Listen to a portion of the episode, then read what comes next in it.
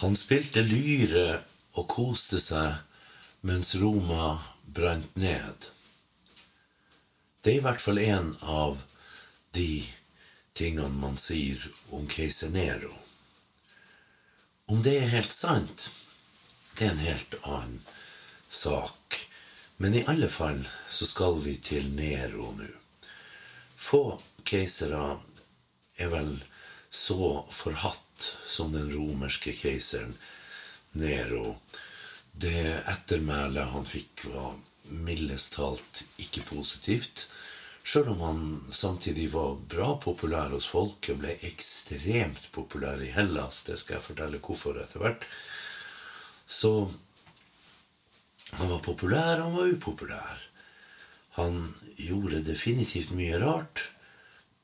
Kanskje er det han gjorde, blitt rett og slett overdrevet i ettertid. Det hadde ikke vært så forunderlig. Mye tyder på det.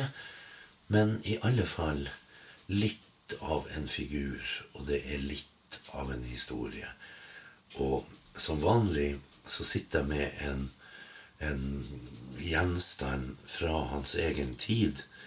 En sølvmynt, en svær sølvmynt, en tetradrakme, som da er laga under Nero i Alexandria. Jeg skal fortelle mer om mynten også om ikke så lenge. Men det er en svær sølvmynt. Det er 12,5 gram med nesten 2000 år gammelt sølv. Det er ganske utrolig, ganske fascinerende å sitte og holde på en sånn en. Så jeg må jo bare si at hold dere fast, gjør dere klar, for nå starter vi inn i en verden av maktkamp og galskap der det meste kunne skje, og det gjorde det. Her er det brodermord og seksuelle perversjoner og psykoser og det meste av saftige ingredienser. Og resultatet av en keiser som alle mener noe om, og ingen glemmer. Da kjører vi på. Vi skal til Romerriket. Vi skal til år 54 og frem til år 68. Og det er ingen liten historie.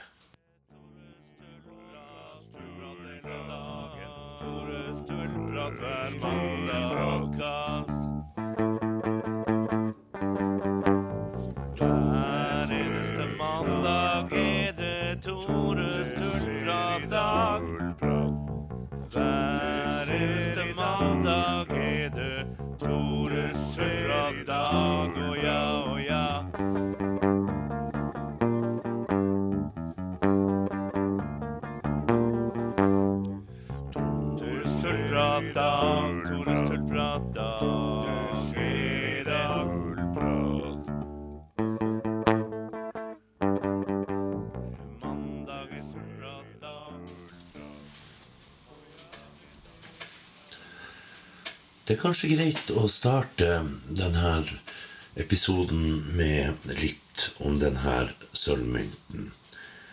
For den er ganske spesiell, og den forteller en del om Romerriket. En standard romersk sølvmynt var jo en denarius. Den var på den tida på ca. 3,5 gram sølv. En relativt liten sølvmynt, men en som ble stolt på verden rundt, i den kjente verden i hvert fall, pga. god sølvgehalt og noenlunde konsistent vekt, sjøl om den hadde gått ned fra 4,5 gram i tidligere tider. Denne mynten derimot er jo altså da en tetradrakme, altså tre drakmer, etter det greske myntsystemet. Og påskrifta både på obversen, som det heter, på forsida, der Nero sitt portrett og navn og titler er skrevet, er på gresk. Samme på baksida, der den greske guden Poseidon, havguden, er avbilda, med tilsvarende gresk påskrift. For den her er altså slått i Alexandria i Egypt. Og ute i provinsene, om det var i det, dagens Bulgaria eller dagens Egypt, så brukte man ikke så mye latin som språk. Eller romerske myntenheter eller noe sånt. Det var et gresk system ute i provinsene. Og Derfor så er det her en 12,5 gram tung sølvmynt. Det er jo ikke småtterier. Så er det ikke alltid så lett å datere 100% alle myntutgivelser, men den her er nok sannsynligvis så gammel som at den er laga på 50-tallet og ikke 60-tallet. Av den enkle grunn Altså, nå snakker jeg om år 56 til 68, og ikke 1950-tallet. Det her er gammelt. Gammel, gammelt. Så i det hele tatt Romerne de etterstreba å ha en del portrettlikhet på myntene de lagde. De fleste var jo analfabeter, og det var bildespråket som var det viktige, og du skulle kunne kjenne igjen keiseren som mynten var slått under. Og denne mynten viser et rimelig slankt portrett av Nero. Han la seg ut veldig kraftig, og han er dryg i de seine portrettene av seg på mynta. Så, så den her er nok relativt tidlig, om ikke helt de første årene, så i hvert fall som sagt på 50-tallet en gang mellom 54 og 60, tenker jeg. Før han ble syk og gal og la seg kraftig ut. Så sånn er det. Men det her er altså en historie om en skal vi si, saftig keiser der det skjedde mye, og i et kongehus der det skjedde det meste av forferdelige maktkamper og det hele. Og han var et produkt av sånne maktkamper fra starten av. Det var nemlig sånn at han var sønn av Agrippina den yngre. Hun kalles den yngre rett og slett fordi hun var datter av Germanicus og Agrippina, som kalles for den eldre. Så, så, hun var altså da Agrippina, datter av Agrippina, og dermed den yngre. Og den Agrippina var svært ambisiøs. Og ambisiøs kan jo være et positivt ord. Det er nok ikke det i denne sammenhengen. For Agrippina og søstrene hennes hadde jo forhold til keiser Claudius. Og den av søstrene som fikk da manøvrert seg til å rett og slett gifte seg med keiseren, det var Agrippina. Hun hadde en sønn fra før med Ahen og Barbus, og den sønnen var det som skulle bli kjent som Nero. Hun fikk jo også barn med Claudius, en sønn som het Britannicus. Og det skulle jo føre til litt problemer, for å si det litt mildt.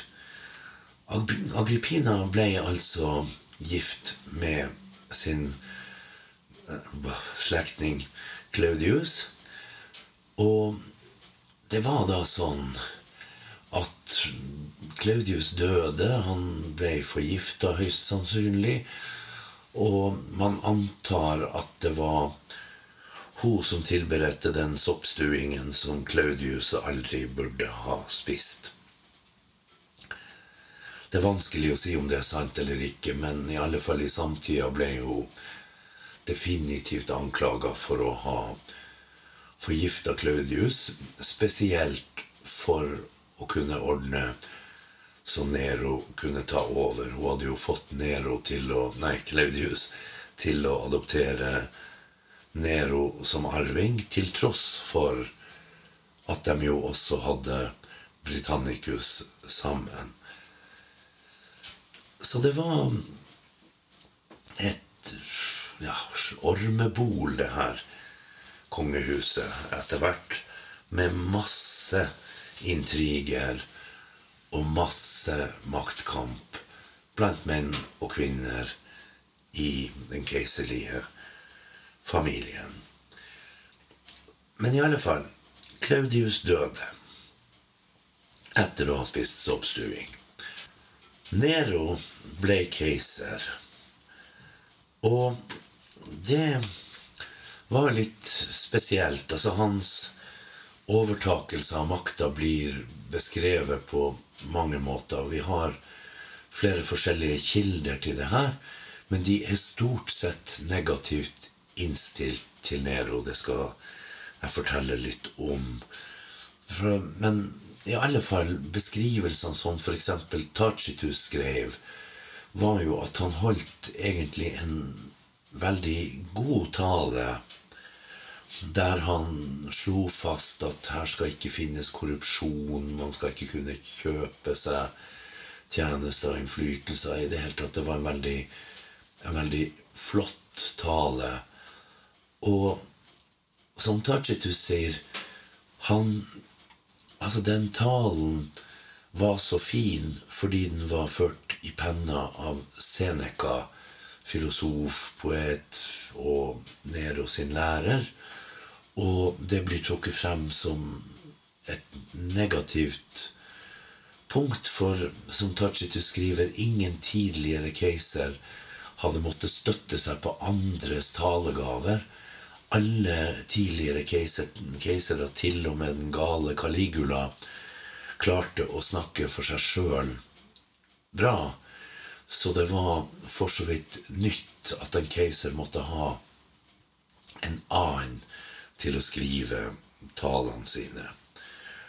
Og han skriver jo videre ganske negativt at etter at illusjonen om, om sorg var unnagjort, så gikk han i, i Senatet og begynte å, å diktere hvordan styret hans skulle bli.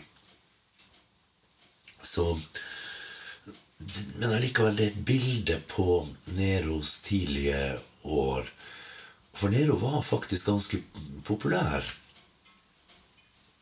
Han var populær blant det romerske folket, og i hvert fall de tidligste årene, første fem årene til 59 i hvert fall, så sto han jo under innflytelse av Seneca, av prefekten Burrus, altså fornuftige folk som kunne holde han i ørene og hindre at det skjedde for mye galskap.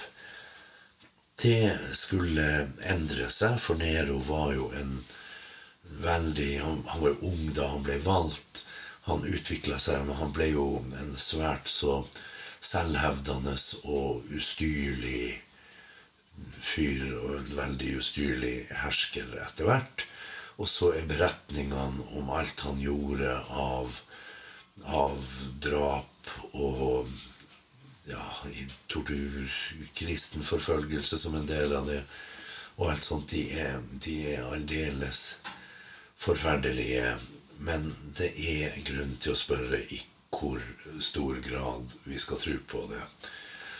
At han var mors beste barn, det var han definitivt ikke. Særlig fordi han tok livet av mora, men det er jo en, litt av en historie i seg sjøl. Så Agrippina hadde altså da fått manøvrert det til sånn at Nero var blitt keiser. Hun så jo for seg å kunne styre han. Rett og slett være den reelle dronninga i kulissene og utøve keisermakta gjennom han. Det skulle jo altså ikke bli så enkelt, for han var altså ja, voldsomt selvstendig etter hvert. Men hun prøvde. Og i Tacitus nok en gang så står det jo om da Claudius var død, når da Nero hadde holdt den her minnetalen, så gikk de til Senatet. Der sto Agrippina bak et forheng, men hun gikk ned i salen og hadde tenkt å gå opp og sette seg sammen med Nero. Og det ville vært en ekstrem skandale om hun hadde satt seg nærmest som dronning i Senatet. Kvinner var ikke akkurat velsedd der, for å si det mildt. Og det var gode rådgivere som fikk overtalt han til å gå, ned og gå i møte og hilse på henne og forhindre at hun kom opp og satte seg, som unnverga, eller avverga denne skandalen. Så det er mye forskjellig å passe på i det romerske samfunnet, og mer skulle det bli. Nero var altså populær greit nok med det. Han lova at det skulle ikke være korrupsjon og i det hele tatt sånne ting som virkelig påvirka menneskers liv. Og han gjorde det for så vidt ganske så godt de første fem årene. Men som alle keisere så hadde han jo grunn til å frykte for livet sitt. Og det var jo ikke bare frykta for at hæren skulle storme inn og hogge hodet av han, som hadde skjedd med tidligere. Men rett og slett, det var jo like farlig med familien. Brødre, mødre, søstre, ektefeller i et, et miljø der det er evige maktkamper, og alle strever for å ha innflytelse på keiseren, og folk går over lik angir hverandre og sånt, der er det farlig å være. Så Nero ble jo en smule paranoid etter hvert. Og han frykta jo annet at broren, som jo var sønn av Claudius, og dermed hadde enda større krav på tronen enn han sjøl, ville kunne prøve å ta keisertronen etter hvert. Britannicus var jo et barn, men han vokste jo til, han òg. Og da Britannicus skulle fylle 14 og bli en, en voksen mann etter hvert, så holdt Nero en av sine svært mange banketter, hvor han da fikk rett og slett forgifta Britannicus. Britannicus døde ved bordet. Det påstås at måten det ble gjort på, var jo altså, Britannicus var jo også redd for å bli drept. Og alle husker jo soppstuingen til Claudius. Så Britannicus hadde en egen tjener, en munnskjenk, som smakte på maten hans før han sjøl inntok det, og på drikka hans. Og det er jo vanskelig å komme forbi, for hvis både munnskjenken og Britannicus hadde dødd samtidig, så ville jo alle vite med sikkerhet at det her var et drap. Men det de gjorde for å unngå det her, var å gi han en kopp med drikke som var altfor varm. Som denne tjeneren smakte på, som Britannicus så smakte på, og sendte av gårde fordi den var for varm. Så helte man i kaldt vann tilsatt gift og ga han koppen tilbake. Så han drakk av en kopp som allerede var smakt på, men der gifta på ja, skal man si smart vis var blitt tilsatt etterpå. Han døde i middagen foran bror sin, mor si, søstera si Og i det hele tatt Han altså Nero bare bemerka at Britannicus hadde hatt epileptiske anfall tidligere, og sånn var bare det. Han bekymra seg ikke det minste for det. Og mens da Agrippina og Octavia, som var Nero sin kone, og datter av Claudius H. De så det her, men var nødt til å late som de ikke følte noe, for de var redd for Nero sitt sinne. For det å ta livet av bror sin er en ganske alvorlig sak. Og de hadde god grunn til å frykte for sin egen sikkerhet. Særlig ettersom de begge relativt kort tid seinere var død. Ja ja, noen år, men like fullt. Så det var ikke noe kjære mor ved Nero sitt hoff. Nero gjorde seg upopulær hos den romerske eliten. Det var mange grunner til det, men en av grunnene var jo at han var opptatt av kunst og kultur, ikke minst musikk, skuespill og poesi. Og han anså seg jo som en poet og musiker sjøl, spilte lyre, sang og stilte opp i skuespill. Som han jo da fikk fikk tvunget senatorene til å overvære. Problemet med det var jo at i Romerike så var skuespillere ansett på lik linje med prostituerte og andre. De var bånd i bøtta i samfunnet og hadde på ingen måte noe status som kunne sammenlignes med en keisers. Så de så jo det her som en, en måte å nedverdige hele keiserembetet og hele nasjonen på.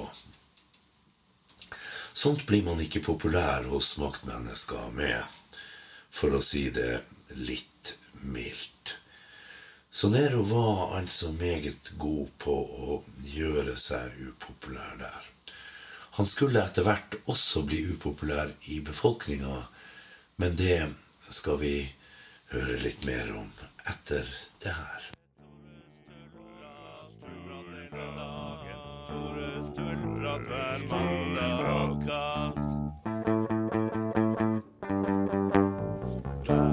hver eneste mandag er det Tores tullprat-dag.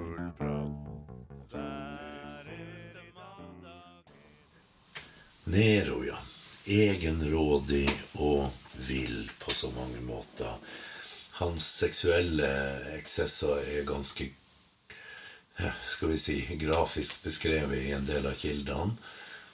Vel å merke i de kildene som ikke er veldig positivt innstilt til han. Jeg skal ikke referere alt sammen. Men han ble jo gift med Oktavia, datter av Claudius, tidligere keiser Claudius, altså. Og hun var bare et barn da de ble gift, men hun vokste jo til. Hun var kjent som ei meget moralsk og dydig kvinne som passa da det romerske moralidealet. Nå var det jo sånn at, at Nero han brydde seg jo ikke så mye om de samme idealene. Og forelska seg i ei tjenestepike som het Akte. Som han hadde en særdeles heit affære med noe Agrippina var svært lite fornøyd med. Og Octavia naturlig nok ikke spesielt mye mer fornøyd med. Så verken mora eller kona var særlig glad for det her. Etter hvert så møtte jo Claudius da Sabina Popea, som han da rett og slett fant ut han ville gifte seg med. Så han skilte seg fra Octavia, fikk hun forvist til ei øy i Det tyrenske hav, der hun i sin tur ble myrda på ordre fra Popea. Så det var ikke noe særlig trivelig fortsatt ved det her hoffet. Nero fikk jo tatt livet av mor si også. Det ble gjort flere forsøk som ikke lyktes. Det første var jo rett og slett et forsøk på å, å knytte henne til en annen mulig arving i det her dynastiet, hvor det ble påstått at hun rett og slett hadde gjort seg til elskerinna hans. Det var nok sannsynligvis rett og slett en løgnhistorie som ble planta via folk til en, en slave i Nero sitt hushold som brakte i sin tur nyheten til Nero. Og Agrippina ble jo forhørt om det her og klarte å komme seg av kroken for da. Men det var ikke noe nært vennskap, for å si det mildt, mellom Agrippina og Nero etter hvert. Det, hvilken mor tilgir at en av sønnene blir drept av den andre. Det, ja. Og hun var ikke lite til maktmenneske sjøl heller.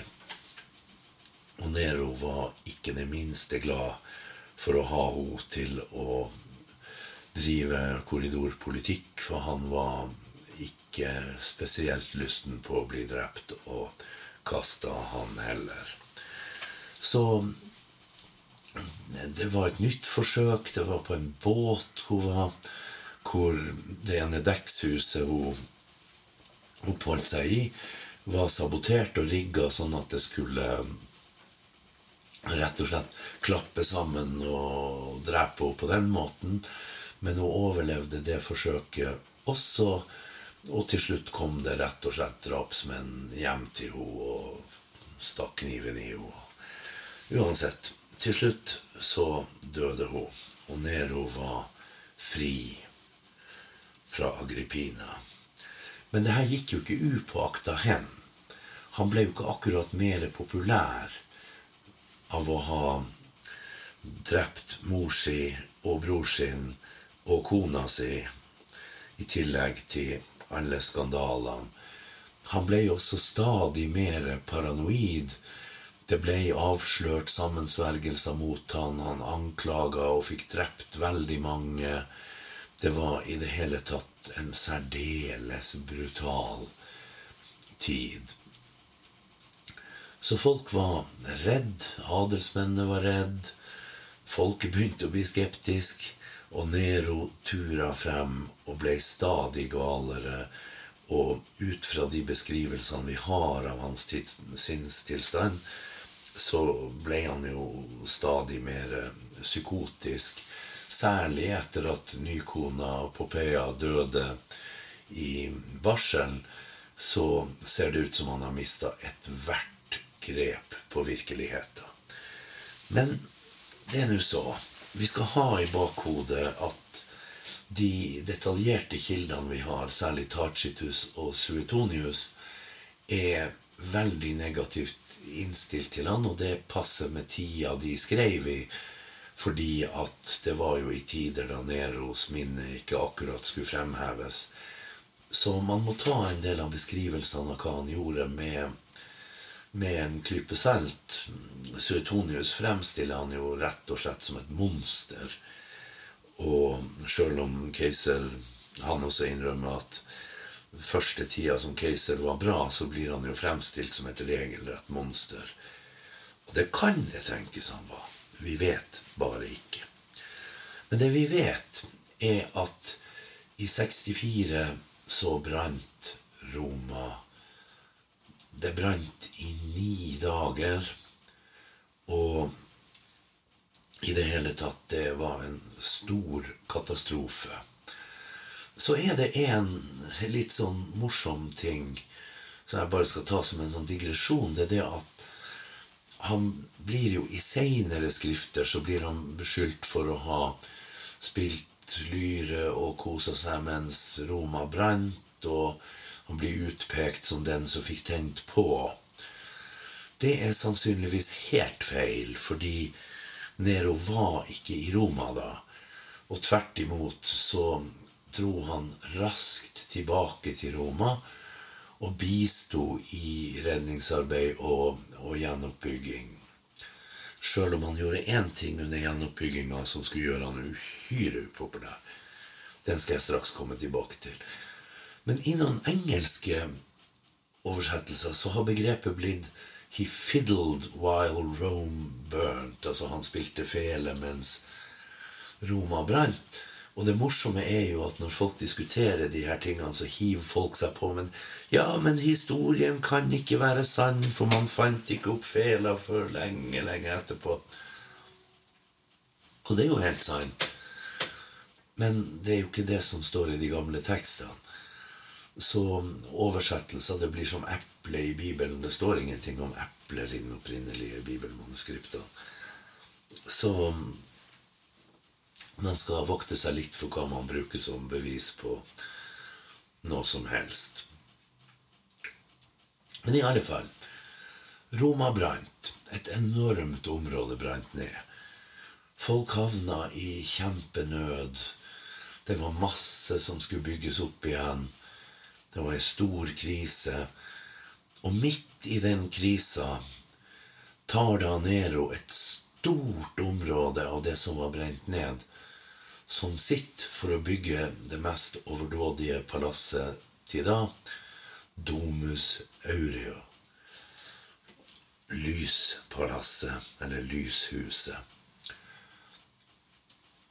Det var nok ikke spesielt lurt strategisk når store deler av byen sleit, når man holdt på med ei gjenoppbygging som kosta mye, og i stedet for å hjelpe folk å bygge opp igjen, så brukte han ekstreme mengder midler på å bygge et enormt palass bare til seg sjøl midt i brannruinene og tok fra folk landet de hadde bygd på. Da snudde populariteten hans i den grad han hadde noe igjen. Den snudde nå så veldig. Det hjalp jo ikke at Nero la ut på en stor turné til Hellas, hvor han deltok på all slags konkurranser innen musikk og skuespill og sånn. Og folk visste jo hva som var bra for dem, så han vant jo alle de konkurransene, selvfølgelig. Og kom hjem med laurbær og premier og overbevist om at han var verdens største musiker, skuespiller, poet osv. Han hadde nok ikke noe mer grep igjen på realitetene her i verden. Og i et Roma som fortsatt sleit med å bygge seg opp igjen etter en ekstrem brann, så var jo ikke det her det de hadde forventa. De ønska seg jo lederskap og at oppbygginga skulle gå bra. Så en keiser som surra rundt og spilte lyre i Hellas, var ikke noe særlig. Men han lova jo Hellas Rett og slett han ga dem selvstendighet. Så han ble jo ekstremt populær blant grekerne. Det var ikke spørsmålet. Den populariteten holdt seg lenge etter han var død. Men fullt så populær var han ikke i sitt eget rike, i Romerriket. Så det skulle føre til mer dramatikk. Og det skal jeg bruke til å avrunde denne episoden med. Og det er ingen liten historie, det heller.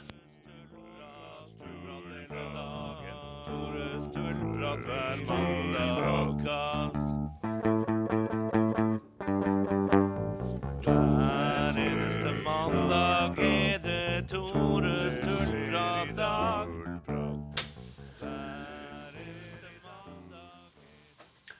Så til slutt hadde folk fått nok.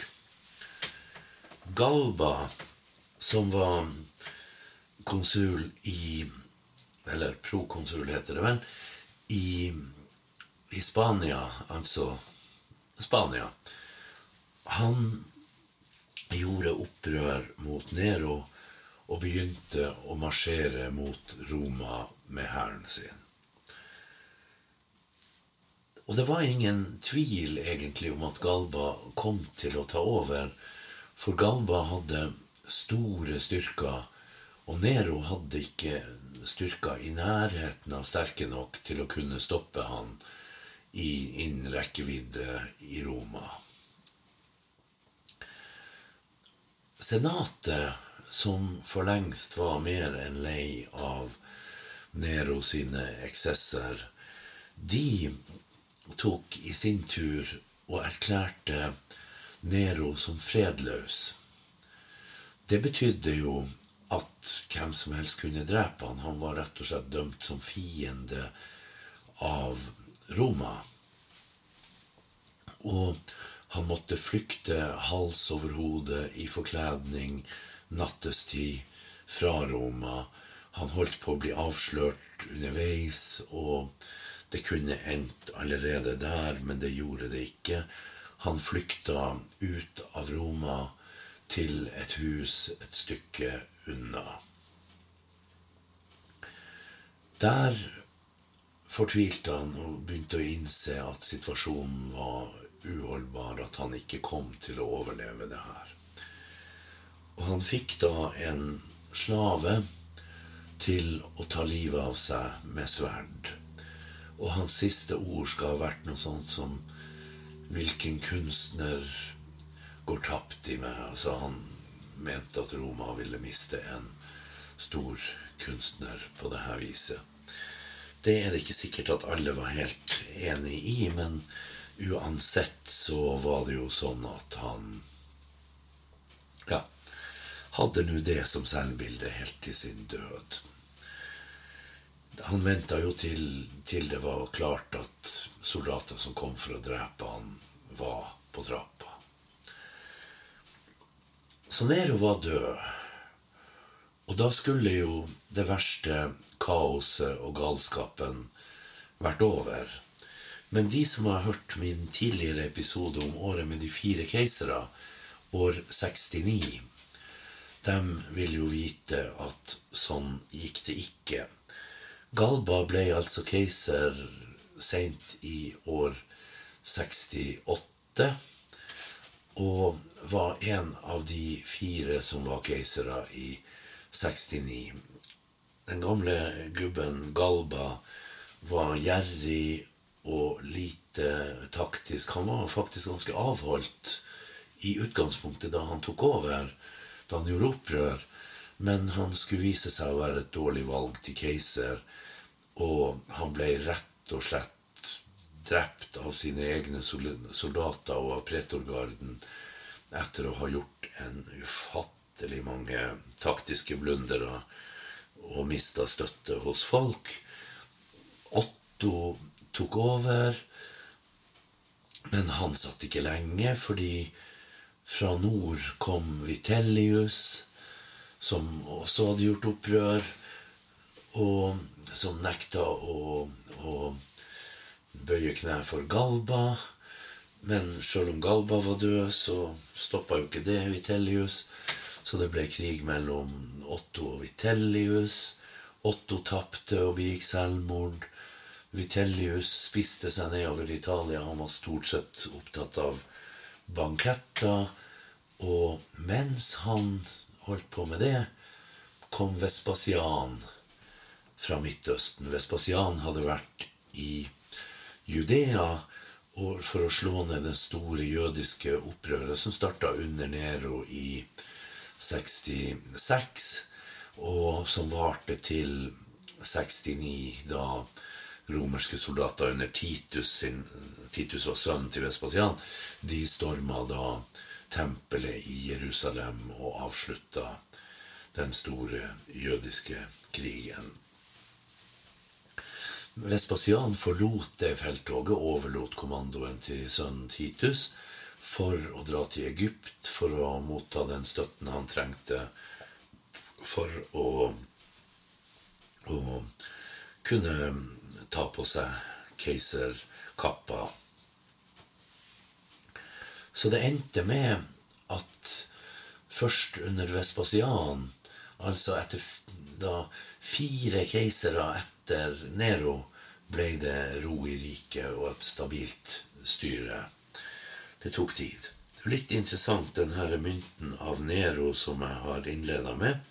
Den er altså slått i Alexandria og det er samme byen som Vespasian dro til da han fikk støtte og ble utropt til keiser av soldatene.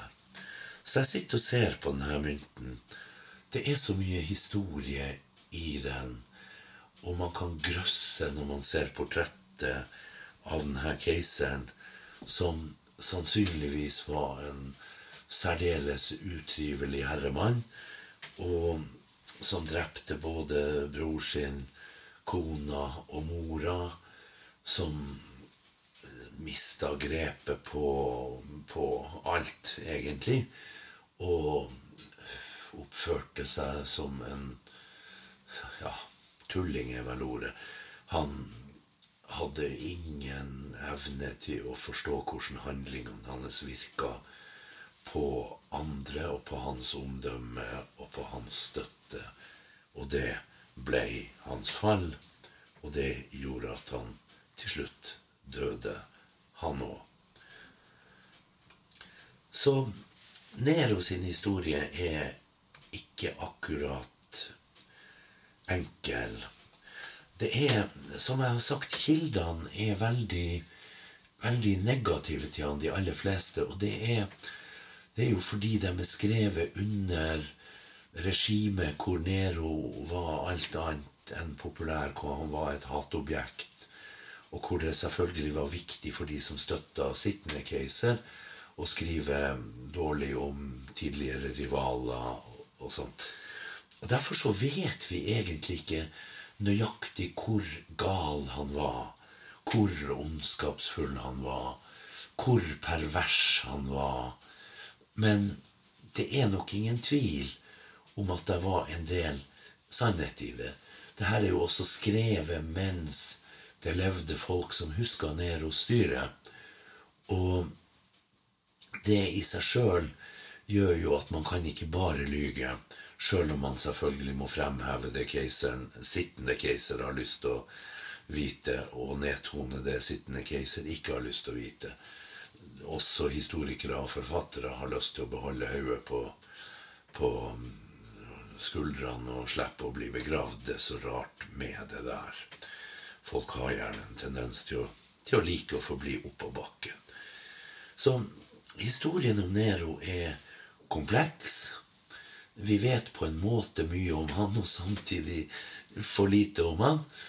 Men hjelpe meg for en historie. Ingen skal si at Romerriket var kjedelig. Brutalt var det. Fælt var det. På så mange måter. Men kjedelig? Å nei da. Nå skal det nok ikke være om Romerike neste episoden. Men den skal nok ikke bli kjedelig, den heller. Så bare heng på og følg med neste mandag, for da er jeg tilbake med mer historie. Ha det godt så lenge.